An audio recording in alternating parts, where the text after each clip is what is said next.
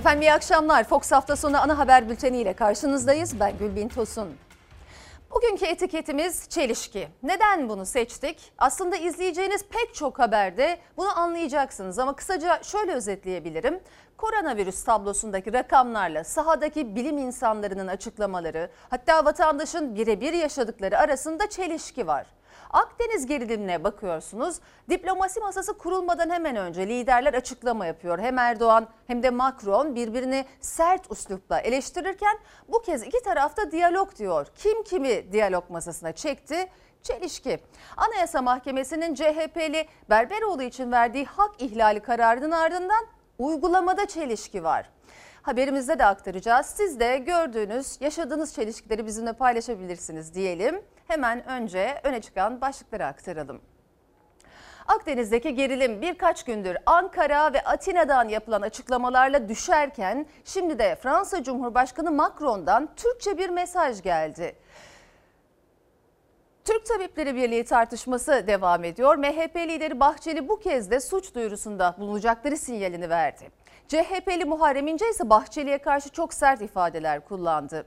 Anayasa Mahkemesi'nin CHP'li Enis Berberoğlu için verdiği hak ihlali kararını Adalet Bakanı yorumladı, neler söyledi?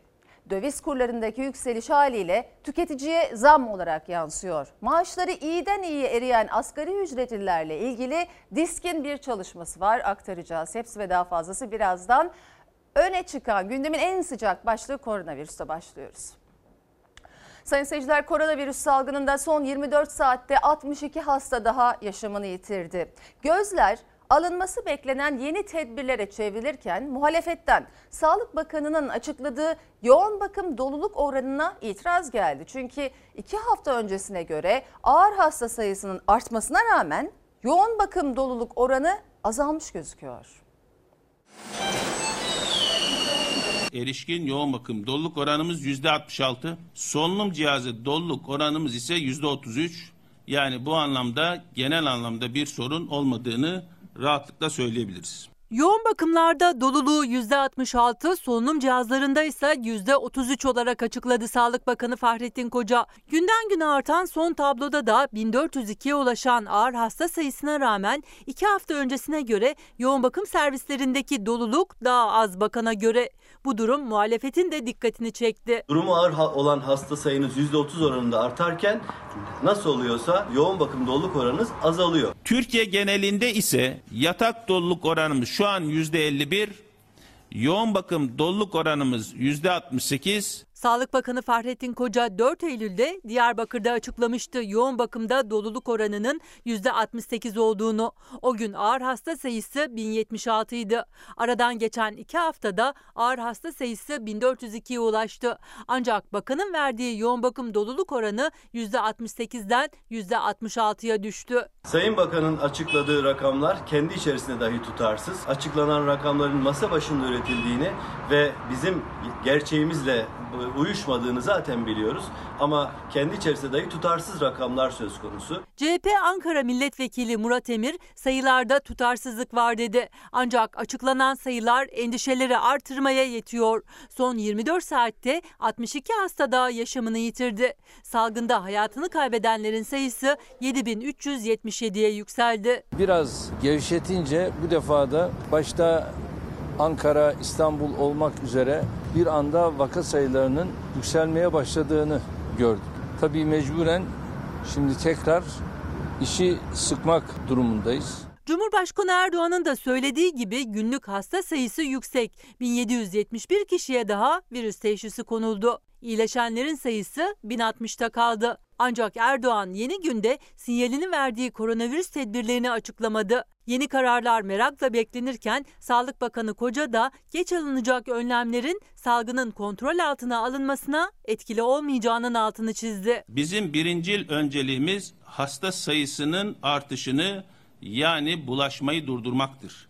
Aksi durumda sadece hastane, ilaç, malzeme, kapasite artımına yönelik tedbirler bir süre sonra çözüm olmayacaktır. Ankara uzun süredir artan vaka sayılarıyla en üst sırada yer alıyor. Türkiye'nin en büyük pandemi hastanesi olan Ankara Şehir Hastanesi yoğun bakımında %90'ları aşan doluluğu Fox Haber görüntülemişti. Bir başka pandemi hastanesi olan Gazi Hastanesi içinde ürkütücü rakamları enfeksiyon hastalıkları uzmanı Profesör Doktor Esin Davutoğlu Şenol paylaştı. Aslında paylaştığı rakamlar sadece görev yaptığı hastaneyi değil, Ankara'nın tamamındaki tabloyu özetliyor. Profesör Şenol yapılan 400 testten 150'si pozitif çıkıyor dedi. Günde 1500 başvuru alıyoruz biz. 300-400 tanesini bunların testlemeye değer buluyoruz. Ve bunun da %30-35'i günde 150 kadar pozitif vakamız oluyor. Salgının merkez üssü Ankara'da yalnızca bir hastaneden bu ürkütücü veriler. Enfeksiyon hastalıkları uzmanı Profesör Doktor Esin Davutoğlu Şenol görev yaptığı Gazi Hastanesi'nde bir günde yaşanan hasta trafiğini paylaştı. Vaka sayılarının yüksekliğini, hastane kapasitesinin artık yetersiz kaldığını anlattı. Biz şu anda hastane kapasitelerimizin %60'ını yeniden sadece COVID'e çevirmeye başladık. COVID dışı bir hastanın acile gelmemesini talep ediyoruz. Acilde çalışan arkadaşlarımız infekte, hasta, bir tanesi yoğun bakımda. Artık test kapasitenizi vakaya kullanıyorsunuz. Ona bile yetmiyor, temaslısına bile yetmiyor. Her evde, her mahallede vaka var. Uzun bir süredir artan vaka sayılarıyla en üst sırada yer alıyor Ankara. Zira Türkiye'nin en büyük pandemi hastanesi olan Ankara Şehir Hastanesi'nin yoğun bakımında %90'ları aşan doluluğu Fox Haber görüntülemişti. Bir başka pandemi hastanesi olan Gazi Hastanesi'nde de durum farklı değil. Şu anda üçüncü servisi açıyoruz. Artık neredeyse zorunlu olmayan hiçbir ameliyat yapılmayacak. Acilde yoğun bakıma alınması gereken hasta birikiyor.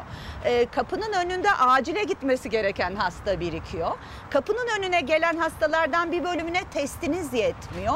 Bir bölümü evine o haliyle gitmek zorunda kalıyor. Sizce de bu bir çığ hissi vermiyor mu size? İlker Karagöz'de Fox Çalar Saat programının konuğu olan Profesör Doktor Esin Şenol'a göre Ankara'da tüm pandemi hastanelerinin yükü her geçen gün çığ gibi artıyor. Belirti göstermeyen pozitif vakaların yani bulaşı hızlandıran binlerce şüphelinin topluma karışması kapasiteleri zorluyor. Covid bütün alanları kapladı. Eski kapatılmış hastanelerin açılması, oranın sağlıkçılarla desteklenmesi ve teknolojinin en olağan şekliyle, bilimin söylediği şekliyle kullanılarak hazırlanması bir an önce şart. Açtığınız yeri bir testleyin bakalım ne kadar aktif vaka var diyemem. Şu anda ben acil durum çanları çalıyor, ne gerekiyorsa yapılmalı diyebilirim ancak. Sayın seyirciler sizlerden gelen mesajları okuyacağımızı söylemiştik. İki tanesini hemen paylaşayım. Haberlerimiz var önemli onlarla devam edeceğiz. Eyüp Bey demiş ki birçok hasta varken acil tıp teknisyenlerinin atanmaması nasıl bir çelişki? Sağlıkçılar kılavuz bekliyor demiş. Bir diğer izleyicimiz Sena Hanım Üzgünüz etiketiyle aslında onu geçen hafta kullanmıştık ama okullar açık ama biz göreve başlatılmıyoruz. 20 bin öğretmen cevapsız bırakılıyor şeklinde çelişki e, ifadesiyle aslında e, kendi görüşlerini bildirmişler. Teşekkür edelim kendilerine. Devam ediyoruz. Fox Haber'in günlerdir ekrana taşıdığı bir başka haber korona hastalarının ya da korona şüphelilerinin hastaneye geliş gidişlerinde toplu taşıma kullanmak zorunda olması. Dün Ankara Büyükşehir Belediye Başkanı Mansur Yavaş da Sağlık Bakanı'na bir çağrı yaptı ama henüz o çağrı karşılık bulmadı. Toplu ulaşım araçları ise hala korona hastalarını taşımaya devam ediyor. Buradaki pozitif çıkan hasta bir tanesi diyemez ki beni ambulansla gönderiyor. Herkes kendi imkanlarıyla gidiyor. Ha bazen imkan tanıyorlar. Gelirken ambulansla getiriyorlar ama giderken kesinlikle herkes kendi imkanlarıyla gidiyor. Hastanede gözlesek çok iyi olacak ama hastaneyi kritik hastalar için ayırdım. Siz bir evinize gidin de neyle giderseniz gidin dediğimiz hastalar. Hastane bahçesindeki hastalar ya da koronavirüs taşıdığından şüphelenip test yaptıranlar Sağlık Bakanı'nı yalanlıyor. Sağdaki işleyişi Gazi Üniversitesi Enfeksiyon Hastalıkları Bölüm Başkanı Esin Davutoğlu Şenol da anlattı. Hastanelerin vakaları evlerine bırakacak zamanı ve imkanı yok dedi. Hiç ilgilendiğimiz bir konu değil, ilgilenebileceğimiz bir konu değil. Dürüstçe bunu söylemek zorundayım. Yani bunu başhekimlik yapmaya çalıştı ama bu imkanı bulamadık biz. Ağrım çok kötü. Yerde bir haftadır yatıyorum. Gece gündüz ateşler için. Ambulans aradık da gelmiyorlar. Diyorlar ki ne hepsine ulaşamazdık gelemezdik. Her gün yüzlerce kişi hastanelerde Covid-19 testi yaptırıyor. Bir bölümü de pozitif çıkıyor ama bunu saatler sonra evlerine gidince öğreniyorlar. Toplu taşımayla halkın arasına karıştıktan sonra. Doktor da zaten şey söyledi. Önlem amaçlı e, birkaç gün kendini izole et. Öyle bir imkan yok daha şu ana kadar. Yani nasıl gideyim diye düşünüyorum. Mesafemiz biraz uzak. Mecburen toplu taşıma aracına bineceğiz. Hedef olarak pozitif olan vakanın evine araçla bırakılmasını organize ediyoruz. Bakan Koca testi pozitif olanı taşıyoruz dedi ama bizimse günlerdir dikkat çektiğimiz başka bir nokta var. Hastanelere test için gelenlerin toplu taşımaları kullanmaları, dahası sonuçlarını bile öğrenmeden normal hayatlarına geri dönmeleri. Onlar için ne yapılacak? Bu soru hala yanıtsız. Eşimin karantinası dün bitti. Test vermek zorundayız. Geldik dolmuşla geldik. Nasıl gelelim? Arabamız yok, neyimiz yok. Neyle gelelim? Bakanın söylediğiyle sahadaki uygulama örtüşmüyor. Ankara Büyükşehir Belediye Başkanı Mansur Yavaş da bakana pozitif hastaları bize bildirin, ego otobüslerini almayalım dedi.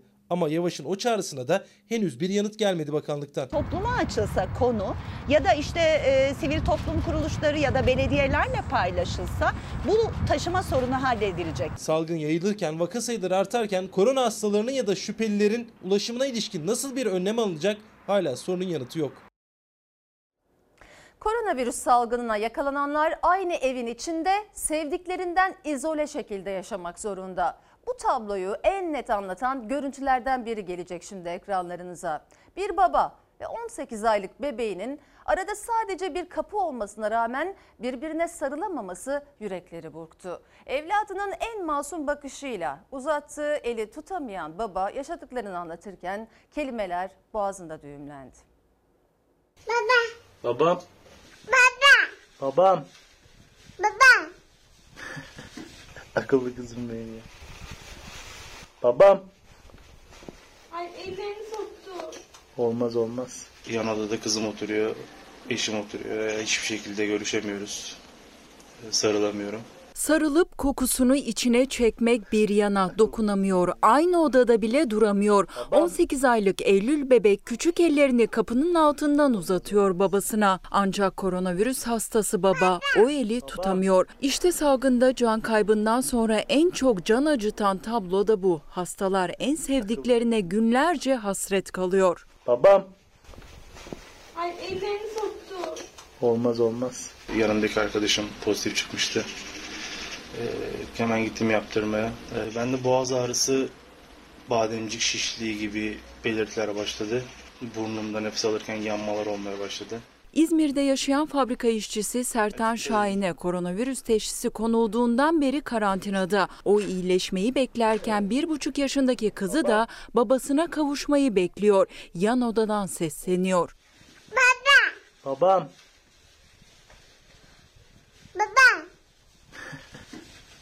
Babasını görebilmek için yere yatıyor Eylül bebek kapının altından sesleniyor ancak uzattığı eli boşta kalıyor. Çünkü Sertan Şahin eşine ve kızına koronavirüs bulaştırmak istemiyor. Günlerini tek odada geçiriyor. Virüsü ciddiye almayanlara da hem çektiği görüntülerle hem de sözleriyle maske takmak mı sevdiklerinden ayrı kalmak mı sorusunu sorduruyor. Babam. Ya maske takmak daha kolay yani bunları yaşamaktan. Maskenizi takın. Ee, kimsenin vebaline girmeyin. Kimse bunları yaşamak zorunda değil. Akıllı kızım benim ya. Babam. Ay ellerini soktu. Olmaz olmaz. Ve efendim bugüne ait koronavirüs tablosu geldi. Arkamda verileri paylaşalım. 19 Eylül 2020. Test sayısı 97.416. 100 binin altına düşmüşüz. Hasta sayımız 1538. Düne göre düşüş var. Vefat sayımız 68. E, düne göre ne yazık ki orada yükseliş var. İyileşen sayımız 1312. E, düne göre yükseliş var. Bu sevindiriyor en azından. Günlük e, verileri karşılaştırmak ne kadar doğru bilmiyorum ama e, bu ta- tablonun bu tarafına baktığımızda ağır hasta sayısına bakıyoruz. 1432. Düne göre işte bunda da yükseliş var ağır hasta sayımızda. Bu arada toplam hasta sayımıza da bakarsak 301 bin 348 orada da 300 bin eşiğini aşmış bulunuyoruz. Çok kısa hemen Fahrettin Koca'nın mesajını da paylaşayım sizlerle. Bugün ağır hasta sayımız 1432'ye ulaştı biraz önce paylaştım. Sağlık çalışanlarımızın en büyük mücadelesi ağır hastalarımızı iyileştirmeye yönelik. Ağır hasta sayımızı azaltmak elimizde. Tedbirlere uymamız için bu uyarılar bize yetmeli. Birlikte mücadele edelim diyor Sağlık Bakanı. Sayın seyirciler Uzaktan eğitim zaten zor. Bir de o zorluğu kat be kat fazla yaşayanlar var. Görme engelli öğrenciler. Onlar için eğitim hiç olmadığı kadar güçleşti. Fox muhabiri Ali Onur Tosun da o öğrencilerden birinin yaşadığı zorluklara tanıklık etti. Mustafa Soybaş görüntüledi. En düşük değerlere yıl boyunca Kuzeydoğu Anadolu'da İlk önce EBA'ya girmem lazım tabii ki. Gösterebilir misin bize?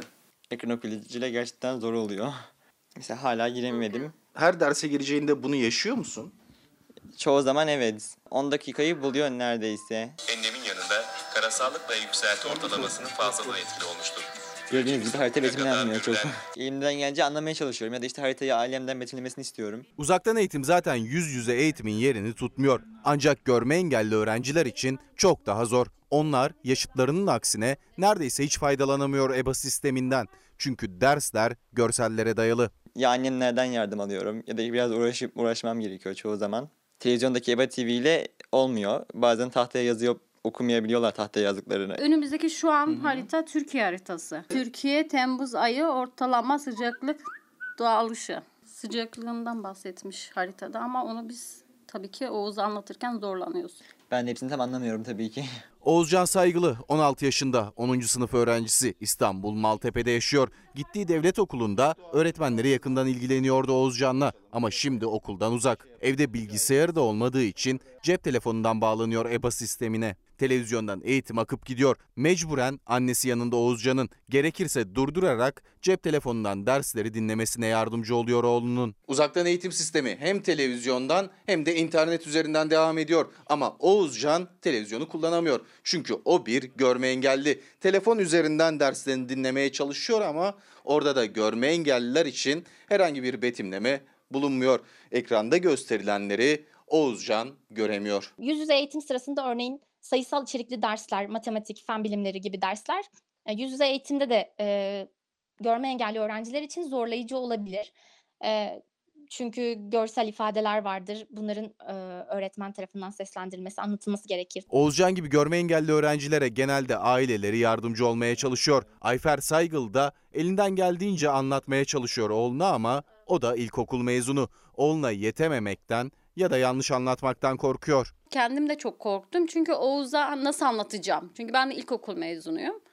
Ben bu Oğuz'a nasıl ders verebilirim, nasıl yardımcı olabilirim diye bir çok bayağı bir tedirgin oldum. Elimden geldiğince üniversite sınavlarından sonra umarım kazanırsam İngilizce öğretmenliği istiyorum. Hayallerinden vazgeçmesinler diye Eğitimde Görme Engelliler Derneği bir kampanya başlattı. Engelsiz EBA haktır diyorlar. Umuyoruz ki önümüzdeki günlerde, haftalarda bununla ilgili daha iyi adımlar atılabilsin ve erişilebilirlik anlamında daha iyi sonuçlar almaya başlayabilelim. Hem görme engelli öğretmenler hem de görme engelli öğrenciler adına.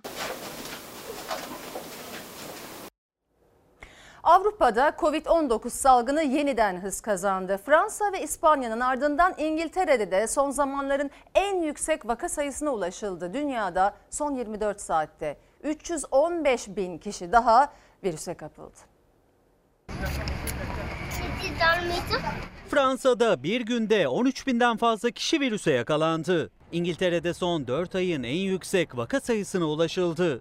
Başbakan Boris Johnson, salgında ikinci dalganın geldiğini görüyoruz dedi.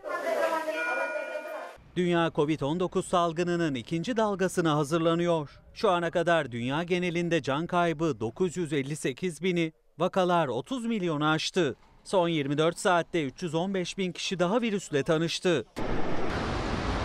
Avrupa salgında ikinci dalgaya karşı alarma geçti. Fransa'da son haftalarda 10 binleri aşan günlük vakalar yeni rekor kırdı. Bir günde 13 binden fazla kişide virüs tespit edildi. Artışla birlikte kapatılan okulların sayısı 89'a yükseldi.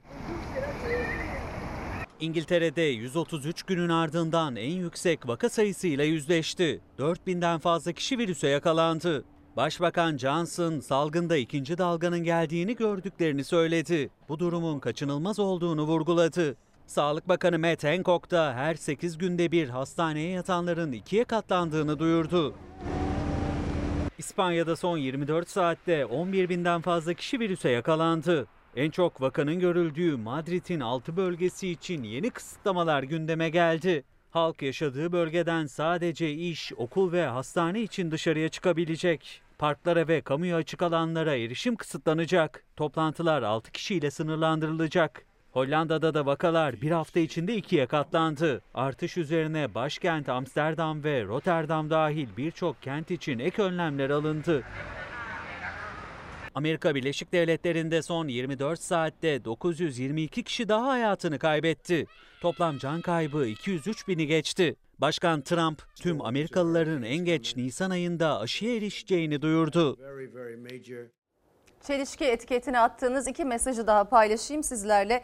Üniversiteler meselesi de önemli. Peyman Öztürk yazmış ki üniversiteler uzaktan eğitim kararı aldı. Ee, YÖK hibrit uygulanabilir dedi. Uygulamalı dersleri olan bölümlerde bu ders nasıl yapılacak diye soruyor. Bir dönem kaybedildi bu yüzden. Bir yıl daha mı kaybedilecek? Özellikle sanat ve sağlık alanlarında çok büyük sıkıntı var. Lütfen hibrit sistemi demiş kendisi. Ee, koronavirüsün en çok etkilediği alanların başında e, eğitim geliyor. Bir diğeri vaka sayıları artıyor. Okullar maskeyle 5 etkinlik saati el hijyeni sosyal mesafe kurallarına uymakta zorluk çekecek. Birinci sınıflar açılıyor pazartesi. 8. ve 12. sınıflar evde. Bu da bir çelişki demiş diğer bir izleyicimiz adı belli değil hesabın. Peki şimdi bir başka gündem maddesi MHP lideri Bahçeli'nin Türk Tabipleri Birliği'ni hedef alan açıklamalarına hem birlikten hem de tabip odalarından tepkiler sürüyor. Eski CHP milletvekili Muharrem İnce de MHP liderini öfkelendirecek bir açıklama yaptı. Türk Tabipler Birliği vatana ihanet suçu işlemiştir. Türk Tabipleri Birliği'nin dünü, bugünü, bütün fiili ve eylemleri incelenecek, gerekirse hazırlanacak dosya Cumhuriyet Savcılıklarına intikal ettirilecektir. Siyah kurdele bütün ülkede neden takıldı? Aylardır pandemi kıyafetleriyle kan ter içinde insanları yaşatmaya çalışıyoruz. Binlerce yurttaşımızı, yüze yakın sağlıkçıyı kaybettik. Anma ve uyarı görevimizdir. Mart'tan beri süren yolculuğumuzda arkadaşlarımız bu kıyafetleriyle kan ter içinde insanların yaşaması için mücadele ediyor. Yüze yakın sağlık çalışanımızı kaybettik. Türk Tabipleri Birliği İzmir Tabip Odası'nın açıklamasını siyah beyaz yayınlayarak siyah kurdeleyi eleştiren, meslek odası kapatılmalı diyen Bahçeli'ye de yanıt verdi. CHP'li Muharrem İnce'nin sözleri de MHP liderini öfkelendirecek gibi. Sayın Bahçeli o da kafayı doktorlara takmış. Sayın Bahçeli doktorlar bu memleketin akıllı evlatları. Memleketin akıllı evlatlarının üzerinden elini çek. Tıp fakültesine Yüksek topuklu arkasına basılmış ayakkabıyla girilmez. Tıp fakültesine yüksek puanlı sınav belgesiyle girilir. Türk Tabipler Birliği'nin koronavirüsle mücadele sürecindeki duruşu ve son olarak siyah kurdele kampanyasına MHP lideri Bahçeli tepki gösterdi. Sağlıkçıların meslek örgütünün kapatılmasını istedi. Görevimizin başındayız diyen Türk Tabipler Birliği hakkında bir dosya hazırlanacağını ve suç duyurusunda bulunulacağını söyledi. MHP'den yükselen Marksist yuvası söylemine İstanbul Tabip Odası RSFM'de katıldığı programda yanıt verdi. Yani şöyle bir şey yoktu değil mi? Yani, Marksist e, bu- hekimler diye de e, ifade etmedik. Böyle bir şey yok. Bizim demokratik katılım grubu olarak seçimlere girdik. İstanbul hekimlerinin %70'inin oyunu aldık. MHP liderinin Türk Tabipleri Birliği'nin yaptığı çağrıyla tüm yurtta gerçekleştirilen siyah kurdele eylemi için kullandığı haince bir tertip sözlerine de yanıt İzmir Tabip Odası'ndan geldi. Siyah beyaz bir kliple neden siyah kurdele taktıklarını anlattılar. Babalarımız, annelerimiz, kardeşlerimiz ölüyor. Suçu vatandaşa, yükü hekimlere ve sağlık çalışanlara yıkanlara tarihsel sorumluluklarını yılmadan her gün hatırlatmaya devam edeceğiz. Etkin ve koordineli bir anlayışla yönetilmesini istiyoruz. Yönetemiyorsunuz, tükeniyoruz. Türk Tabipleri Birliği'nin içine sokulması istenen durumla ilgili benim de sıkıntım var ama e, çok önemli iki ismin bugünkü yorumlarını aktarmak istiyorum. Onlardan birisi değerli gazeteci arkadaşımız Deniz Zeyrek köşesinde yazmış. Türkiye'de doktorların zaten %80'i bu meslek örgütüne bağlı verilerdeki çelişkileri dillendiriyorlar diye hekimler hekimlerin hedef olmalarının AK Parti tarafından alkın, alkışlanması ne kadar anlaşılabilir diye soruyor. Ee, bu sorunun bir başka boyutunu da Profesör Doktor Meh- Me- Mehmet Ceyhan şöyle açıklıyor. Şu anda topyekün mücadele etmemiz gereken bir salgının içinde yaşıyoruz. İnsanların motivasyonunu kıracak bu tür söylemler zarar vericidir. Bazı söylemlerini beğenmeyebilirsiniz ama Türk Tabipleri Birliği kapatılsın dediğiniz zaman zaten şiddete maruz kalan hekimlerin motivasyonunu kırarsınız. Ayrıca bu sert söylemler insanların hekime bakışını farklı etkileyebilir ve hekimlere karşı şiddet olaylarını körükleyebilir diyor Profesör Doktor Mehmet Ceyhan. Efendim bültenin başında da aktarmıştım. Akdeniz'deki tansiyon birkaç gündür yapılan yeni açıklamalarla düşerken Ankara'nın en çok tepkisini çeken isim Fransa Cumhurbaşkanı Macron'dan Türkçe bir mesaj geldi. Türkiye ile diyalog dedi. Macron senin zaten süren az kaldı. Gidicisin. Türkiye'ye net bir mesaj gönderdik. İyi niyetli, naiflik olmaksızın sorumlu bir diyaloğu yeniden açalım. Açıklamalarıyla Ankara'nın hedefindeki isimden Fransız Cumhurbaşkanı Macron'dan Türkçe diyalog çağrısı geldi. Akdeniz'de tansiyonu düşüren açıklamalara bir yenisi eklendi. Oruç reisi eğer bakım için limana çektiysek bunun da bir anlamı var. Niye çektik? Diplomasiye bir fırsat tanıyalım. Oruç Reis gemisinin Antalya dönüşüyle birlikte Atina yönetiminden de Ankara ile temas kurabiliriz açıklamaları yükseldi. Avrupa Birliği ülkelerinin de arabuluculuğuyla gerilimi dindiren son açıklamayı Cumhurbaşkanı Erdoğan yapmıştı. Oruç Reis gemisinin dönüşü iyi değerlendirilmeli, Müçatakis'le de görüşebilirim diyerek. Çötakis'le görüşme yapma noktasında bir sıkıntımız yok. Neyi görüşeceğiz? Hangi çerçevede görüşeceğiz? Asıl olan budur. Ankara-Atina arasında ilk resmi temas ne zaman olacak sorusu yanıt ararken bu kez de açıklama Fransa Cumhurbaşkanı'ndan geldi. Türkçe mesaj paylaştı Macron. İyi niyetli diyalog başlatalım dedi. Ankara'dan yapılan açıklamaların da olumlu olduğunu ima etti. Bu çağrı bundan böyle Avrupa Parlamentosu'nun da çağrısı. Görünüşe göre de işitilmiş. İlerleyelim. Şahsımla çok uğraşıyor. Sayın Macron, senin şahsımla daha çok sıkıntın olacak. Fransız Cumhurbaşkanı'nın problemimiz Türk milletiyle değil Erdoğan'la sözüne sert tepki göstermişti. Bir hafta önce Cumhurbaşkanı gidicisin demişti. Akdeniz'de gerilimi tırmandıran Macron bu kez diyalog dedi. Çağrısına henüz Cumhurbaşkanı Erdoğan ya da kurmaylarından bir yanıt gelmedi. Yunan gazetesi ağız alınmayacak şekilde son derece alçakça bir açıklama yaptı, manşet attı. Biz gerekli tepkilerimizi gösterdik. Bugün Yunan Büyükelçiliğini bakanlığımıza çağırdık. Bir Yunan gazetesinin Cumhurbaşkanı Erdoğan'a hakaret içerikli manşetine de Ankara tepkisini hem sözle hem de Yunanistan'ın Ankara Büyükelçisi'ni dışişlerine çağırarak gösterdi. Mısır'la istihbari görüşmelerin yapılması farklıdır. Yaparız. Hiçbir bizim açımızdan engel yoktur. Ama Yunanistan'la Mısır'ın yapmış olduğu bir anlaşma bizi üzmüştür. Yunanistan'la Mısır'ın arasındaki bağlarla bizim Mısır arasındaki bağlarımız çok çok farklıdır. Sayın Cumhurbaşkanı ifade etmiş olduğu çerçevede biz muhalefet olarak bir telkinde bulunsak ki bulunduk. Bizi darbe sevicilikle itham etti mesela Sayın Cumhurbaşkanı. Erdoğan'ın Mısır'la ilgili sözleri de Kahire yönetimine sıcak mesaj olarak yorumlandı. İyi Parti sözcüsü Habertürk televizyonda katıldığı programda Cumhurbaşkanı'nın Mısır'la müzakere mesajı verdiğini söyledi. Sayın Cumhurbaşkanı'nın bu hamlesi görüşülebilir, müzakere edilebilir hamlelerdir. İçişleri Bakanı Süleyman Soylu geçtiğimiz günlerde Anayasa Mahkemesi Başkanı'nı hedef almış. Madem özgür ülkeyiz işe bisikletle git demişti. Ardından muhalefet tepki gösterip Soylu'nun istifasını istedi. Bakan Soylu bugün bir kez daha konuştu. Hem yüksek mahkemeyi hedef aldı hem de muhalefet.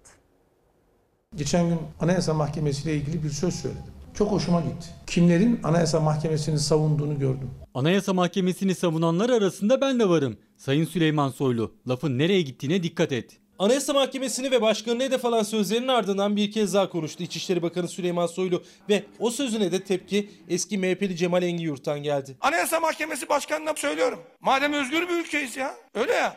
Ana caddelerde, ana arterlerde özgürce yürüyüş hakkının ortadan kaldırılmasını geçen gün onayladınız. Ya polis korumanı almana gerek yok ya. Bisikletinle işe git gel bakalım. Hadi git gel. İçişleri Bakanı Süleyman Soylu, Yüksek Mahkemenin şehirler arası karayollarında gösteri ve yürüyüş düzenlenemez maddesinin iptal kararına tepkisini bu sözlerle dile getirmişti. Yanıt AYM üyesinden geldi. Bisiklet ve anayasa hatırlatmasıyla. Muhalefet de tepki gösterdi Soylu'ya. Şunu mu sorayım sana? Sen de kendi güvenliğini Abdullah Öcalan'a mektup yazdırıp onu Diyarbakır'da okutarak, Kandil'e yollayarak ya da kardeşini TRT'ye çıkararak mı sağlıyorsun? Bisikletle gezebiliyor musun? Hadi gez demek. Biz güvenle gezilemez bir ülkenin İçişleri Bakanlığı'nı yapmaktayız falan demektir. Bunun peşinden istifa gelir. Bir ülkenin Cumhurbaşkanı, bir ülkenin bütün kurumları sabahtan akşama kadar eleştirilirken Anayasa Mahkemesi'nin aldığı kararların eleştirilemez diye bir şey söz konusu değildir. İçişleri Bakanı günler sonra konuştu. Sözlerinin arkasında olduğunu söyledi. Kendisine karşı yükselen tepkiler için kurduğu cümleye eski MHP'li Cemal Engin Yurt'tan da yanıt geldi. Bu devlete katil diyenler ve Anayasa Mahkemesi tarafından siz katil deme hürriyetine sahipsiniz diyenler, yıllardan beri bu ülkenin değerlerini yel yuf etmek isteyenler hepsi bir cephe oldular. Hepsini bir fotoğrafta Allah göstermek nasip etti. Anayasa Mahkemesi'ni savunanları devlete katil diyenlerle aynı cephede görmek hoşuma gitti diyorsun. Katillerle bir olan şerefsizdir. Anayasa Mahkemesi'ne sahip çıkmak şereftir. Bu ülke FETÖ'den ve PKK'dan çekmedi mi? Bunların temel meselesi devletin içine sızmaları değil miydi? Güvenlik soruşturmasını iptal etmek demek, onlara devletin kapılarını yeniden açmak demek değil midir? Anayasa Mahkemesi'ni teröristlere kamunun kapılarını açmakla suçladı bu kez İçişleri Bakanı. Tartışma yeni haftaya da taşınacak gibi. Anayasa Mahkemesi'nin CHP'li Enis Berberoğlu için verdiği hak ihlali kararı Adalet Bakanı Abdülhamit Gül'e de soruldu. Gül, Anayasa Mahkemesi kararı tüm kurumları bağlar. Mahkemenin kararı elbette yerine gelecektir dedi ama zamanlama için gerekçeli kararı işaret etti. Milletvekilliğim düşürüldü. Mahkemenin kararını elbette yerine getirecektir. Ancak bu kararın gerekçesi nedir, ne şekilde verilmiştir? Bu gerekçeli karar yayınlandıktan sonra ancak bir değerlendirme yapmak mümkün olur. Anayasa Mahkemesi'nin CHP'li Enis Berberoğlu için verdiği hak ihlali kararı hakkında Adalet Bakanı Abdülhamit Gül de konuştu. CNN Türk Televizyonu'nda katıldığı programda gerekçeli kararı bekleyelim dedi ama AYM kararının bağlayıcı olduğuna da vurgu yaptı. Anayasa Mahkemesi kararı elbette bağlayıcıdır. Hukuka göre ve anayasaya göre Enis Berberoğlu Cumhuriyet Halk Partisi'nin 27. dönem İstanbul Milletvekilidir. MİT tırları davasından yargılanan Enis Berberoğlu 27. dönemde yeniden milletvekili seçilince cezaevinden çıktı ama dokunulmazlığı olmasına rağmen yargılaması sürdü. Yargıtay'ın hakkındaki cezayı kesinleştirmesi sonrası avukatları dokunulmazlığı olan kişi yargılanamaz hak ihlali var dedi. Anayasa Mahkemesi'ne başvurdu. Her seçimle yasama dokunulmazlığı yeniden başlar. Herkes bilir. Bilmeyen Türkiye Büyük Millet Meclisi'nin Sayın Başkanı Anlamakta zorlanıyorum niye tepki gösterdiklerini. Yargıtay'da kesinleşmiş olan kararları mecliste okutmayalım mı? Anayasa Mahkemesi'nin hak ihlali başvurusuyla ilgili kararı beklenirken sürpriz bir şekilde meclise geldi. Berberoğlu hakkındaki fezleke genel kurulda okundu ve Enis Berberoğlu'nun vekilliği düşürüldü. 3,5 ay sonra ise Anayasa Mahkemesi hak ihlali kararı verdi. Dokunulmazlığı olmasına rağmen yargılanması, seçme seçilme hakkının yok sayılması dedi. Bu karar Enis Berberoğlu'nun yeniden yargılanması demek. Ancak CHP yüksek mahkemenin kararıyla Berberoğlu yeniden vekilliğe dönmeli diyor. Kesin hüküm ortadan kalktığına göre milletvekilliği düşmemiş sayılmalıdır. Önce bir gerekçenin ortaya çıkması lazım. Nedir, hangi talep kabul edilmiştir, hangi gerekçeyle ne yönde ve nasıl bir işlem tesis edilmesi gerekir? Tüm bunları gerekçeli karar yayınlanınca değerlendirmek daha sağlıklı olur. Anayasanın 153. maddesini okuyorum. Resmi gazetede hemen yayımlanır. Yasama, yürütme ve yargı organlarını gerçek ve tüzel kişileri bağlar. Anayasaya göre anayasal tüm kurum ve ilgili e, kuruluşlarda mahkemenin kararını elbette yerine getirecektir. Adalet Bakanı da bu sözlerle girdi tartışmaya. Şimdi gözler CHP ile Meclis Başkanı Mustafa Şentop'un buluşmasında. Yeni haftada Meclis Başkanı'nın tavrı belli olacak. Ekonomideki başlıklara bakalım. Merkez Bankası'nın anketine göre enflasyonun da doların da düşmesini beklemiyor sektör temsilcileri ve uzmanlar. Bu da alım gücünü günden güne eritiyor. Özellikle de asgari ücret sene başından bu yana 170 lira değer kaybetti. Bir hafta içerisinde baktığımızda işte 7.40 seviyesinden 7.55'e yükselen bir kur görüyoruz. Kurlardaki hareket çok doğrudan e, fiyat artışı olarak ya da enflasyon olarak vatandaşa yansıyor. Her şey eriyor şimdi en basit çocuğa süt alıyorsun 3.75'ten alıyorduk 6 ay önce şimdi olmuş 5.75. En basit örneği bu yani düşünebiliyor musun? Maaş aynı e nasıl olacak? Yarım kilo alamıyorsun artık bir kilo aldığın şeyleri. Döviz kurundaki yükseliş iğneden ipliğe tüketiciye zam olarak yansırken enflasyonun düşeceğine dair bir umut ışığı da gözükmüyor. Merkez Bankası'nın beklenti anketine göre doların yıl sonunda 7 lira 60 kuruş olacağı tahmin ediliyor. Şimdiden o seviyeye ulaşıldı. Enflasyon beklentisi de %10,82'den %11,46'ya çıktı. O da mevcut enflasyondan farklı değil. Kurlardaki artışın etkisini biz enerji fiyatlarının TL olarak artması şeklinde görüyoruz. İşte benzin ve motorine bir zam geldi, bir artış oldu.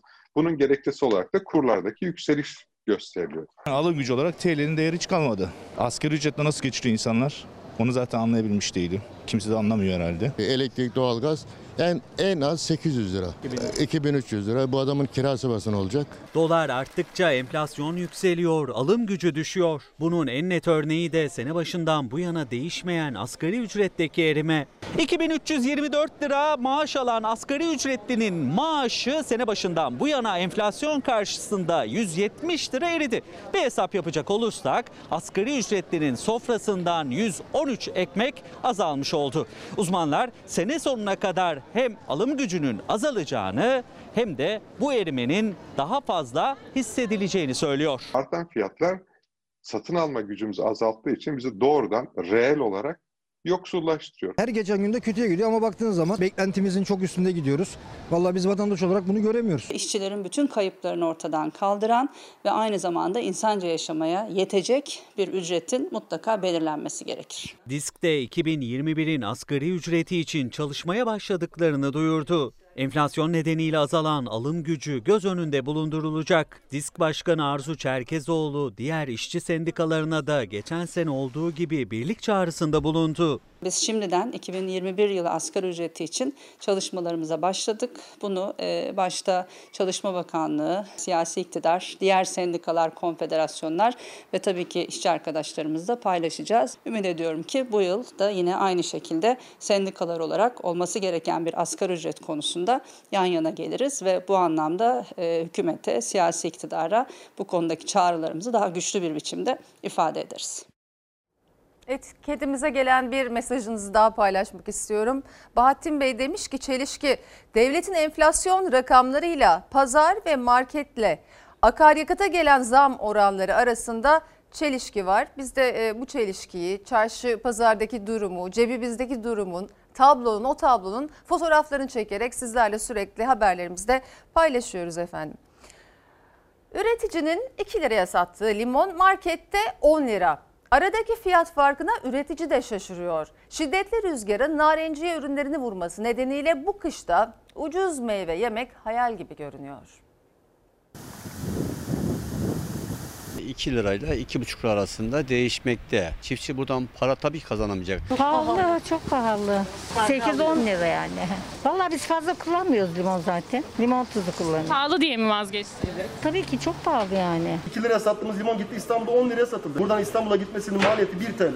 Limon üreticisinin 2 liraya sattığı limonun tezgahta 3 lira olması lazım ama makas markete pazara gelene kadar açılıyor. Büyük şehirlerde limonun kilosu 10 lira. Üstelik narenciyeyi vuran şiddetli rüzgar nedeniyle kışın da etiketler cep yakacak. 10 günlük bir poyozdan dolayı bütün meyvelerde kayıp oranları çok yüksek. Az olduğu için fiyatlar yüksek. Üreticinin en fazla kilosuna 2 lira kazandığı limon yine büyük şehirlere geldiğinde fiyatı katlanıyor. Marketlerde en ucuz limon 8 liradan başlıyor 10-12 liraya kadar yükseliyor. Buna bir dur demenin zamanı geldi de geçti bile. Toplanan yerde kasa kasa döküyorlar.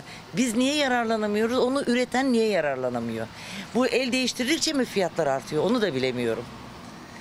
Yani yazık. Özellikle koronavirüs döneminde bağışıklığı güçlü tutmak önemli. En büyük C vitamini kaynağı meyveler. Limonun fiyatı zaten yüksek ancak Adana'da 10 günlük poyraz nedeniyle narenciyeler de olgunlaşmadan döküldü. Yani portakal ve mandalinada beklenen ucuzlama olmayabilir. Eylül ayının gelmesiyle birlikte artık mandalina, portakal da tezgahtaki yerini almaya başladı ama fiyatları çok yüksek. Portakalın kilosu 20 lira, mandalinanın kilosuysa 5 lira. Kışın gene 5-6'dan aşağıya alamazsınız bunu. Pazar da aldı başını gitti. Mevsiminde de meyvenin ucuzlamadığını aslında bu mevsimin meyveleri gösteriyor. Üzümün kilosu 8 lira. Yine bu ayın meyvesi olan incirin kilosu 10 lira. Meyve fiyatları pazarda da yüksek.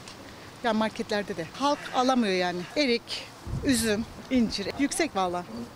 Genelde akşam çıkmaya çalışıyor. Daha ucuz oluyor diye birazcık. Sadece meyvede değil birçok sebzede de durum aynı. Mersinli domates üreticisi de 3 lira 75 kuruşa mal ettiği domatesi 40 kuruşa satabildi. Gördüğünüz bu domatesin fiyatı bize maliyet olarak 3 lira 75 kuruş. Buradan çıkışı ise 40 kuruş. Bir markette bunun satışı 3 lirayla 4 lira arasında değişiyor. Biz çok mağdur durumdayız. Biz bu işten zarar ediyoruz. Üretici kazanamamaktan zaten şikayetçi. En azından tüketici ucuza yesin diyor ama o da olmuyor. Tüketici ucuz yesin ama girdilerimiz çok pahalı. Biz razıyız. Tüketici yesin 50 kuruşa yesin. Markette domates 3, 3 lira burada 40 kuruş. Karaman Ermenek'te aylardır maaşlarını alamayan madenciler 20 gündür kömür ocağı önünde eylem yapıyor. Seslerini duyurmaya çalışan madencilerin tek bir isteği var. Alın terlerinin karşılığını almak. Ancak onların sesini duyan henüz olmadı. Madenciler Ankara'ya yürümeyi planlıyor. Birleşe, birleşe kazanacağız. Bugün direnişimizin 20. günü. Ölmek var, dönmek yok diyoruz. Sonuna kadar buradayız. Hiç kimse ondan borç para veyahut da sadaka istemiyor. Ondan sadece alnının terini ve hakkını istiyor, hakkını! Yerin metrelerce altında gün ışığına hasret yıllarca alın teri döktüler. Aylardır emeklerinin karşılığı olan maaşlarını alamadılar. Son çare olarak maden ocağının önünde oturma eylemine başladılar. Aradan 20 gün geçmesine rağmen henüz seslerini duyan olmadı. Hakkımızı almadıktan sonra burayı terk etmeyeceğiz. Karaman Ermenek'teki Cenne Birnoğlu maden sahasında çalışan 80 işçi Aralık ayında maaşlarını alamadıkları gerekçesiyle eylem yaptı. İçlerinden greve gidenlere maaşları ödendi. Sonrasında tazminatsız olarak işten atıldılar.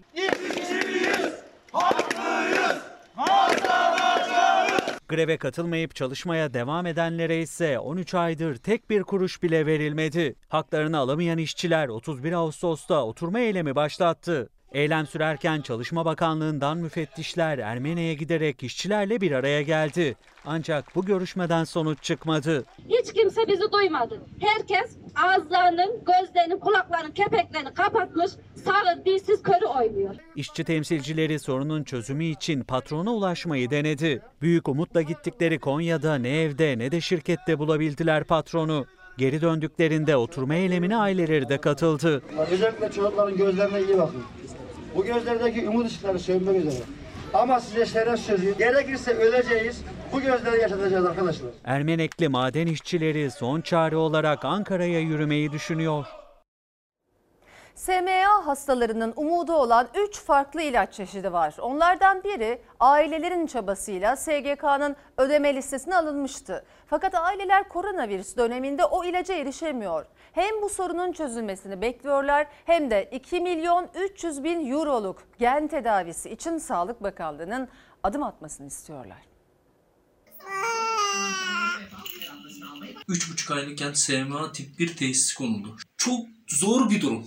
2 milyon 300 bin euro. Aylardır hastalarımız bu kampanyalarla cebelleşmekte ve artık Sağlık Bakanlığımızın sesimizi duymasını rica ediyoruz. 40'a yakın aile SMA hastası çocukları için bir umut olduğunu biliyor ama o umudun yanına bile yaklaşamıyorlar. Çünkü tedavi için gereken para 2 milyon 300 bin euro. Aslında Sağlık Bakanlığı devreye girse firmadan çok daha ucuza alınabilecek o ilaç. Ancak sesleri duyulmuyor. Lütfen ama lütfen bir an evvel Türkiye'ye gelmesini istiyoruz. Tüm dünyada onaylanmış bu tedavinin Türkiye'de de yurt dışı onaylı ilaç listesine girmesini temenni ediyoruz. Devletimiz eğer bu tedaviyi tanır, yurt dışı onaylı ilaç listesine alır e, ve firmayla bir anlaşmaya oturursa ilacın çok daha aşağı e, fiyatlarda e, gelmesi muhtemeldir. Dünyada SMA hastalarının tedavisinde uygulanan 3 ilaç var. Türkiye'de de o ilaçlardan biri ailelerin yıllar süren çabasıyla SGK'nın ödeme kapsamına alındı. Koronavirüs salgını nedeniyle yeni dozlara ulaşamıyordu aileler. Sorunun çözüldüğü duyurulmuştu ama hala tedarik sıkıntısı devam ediyor. tedarik sorununun önüne geçileceğini duyurmuştur.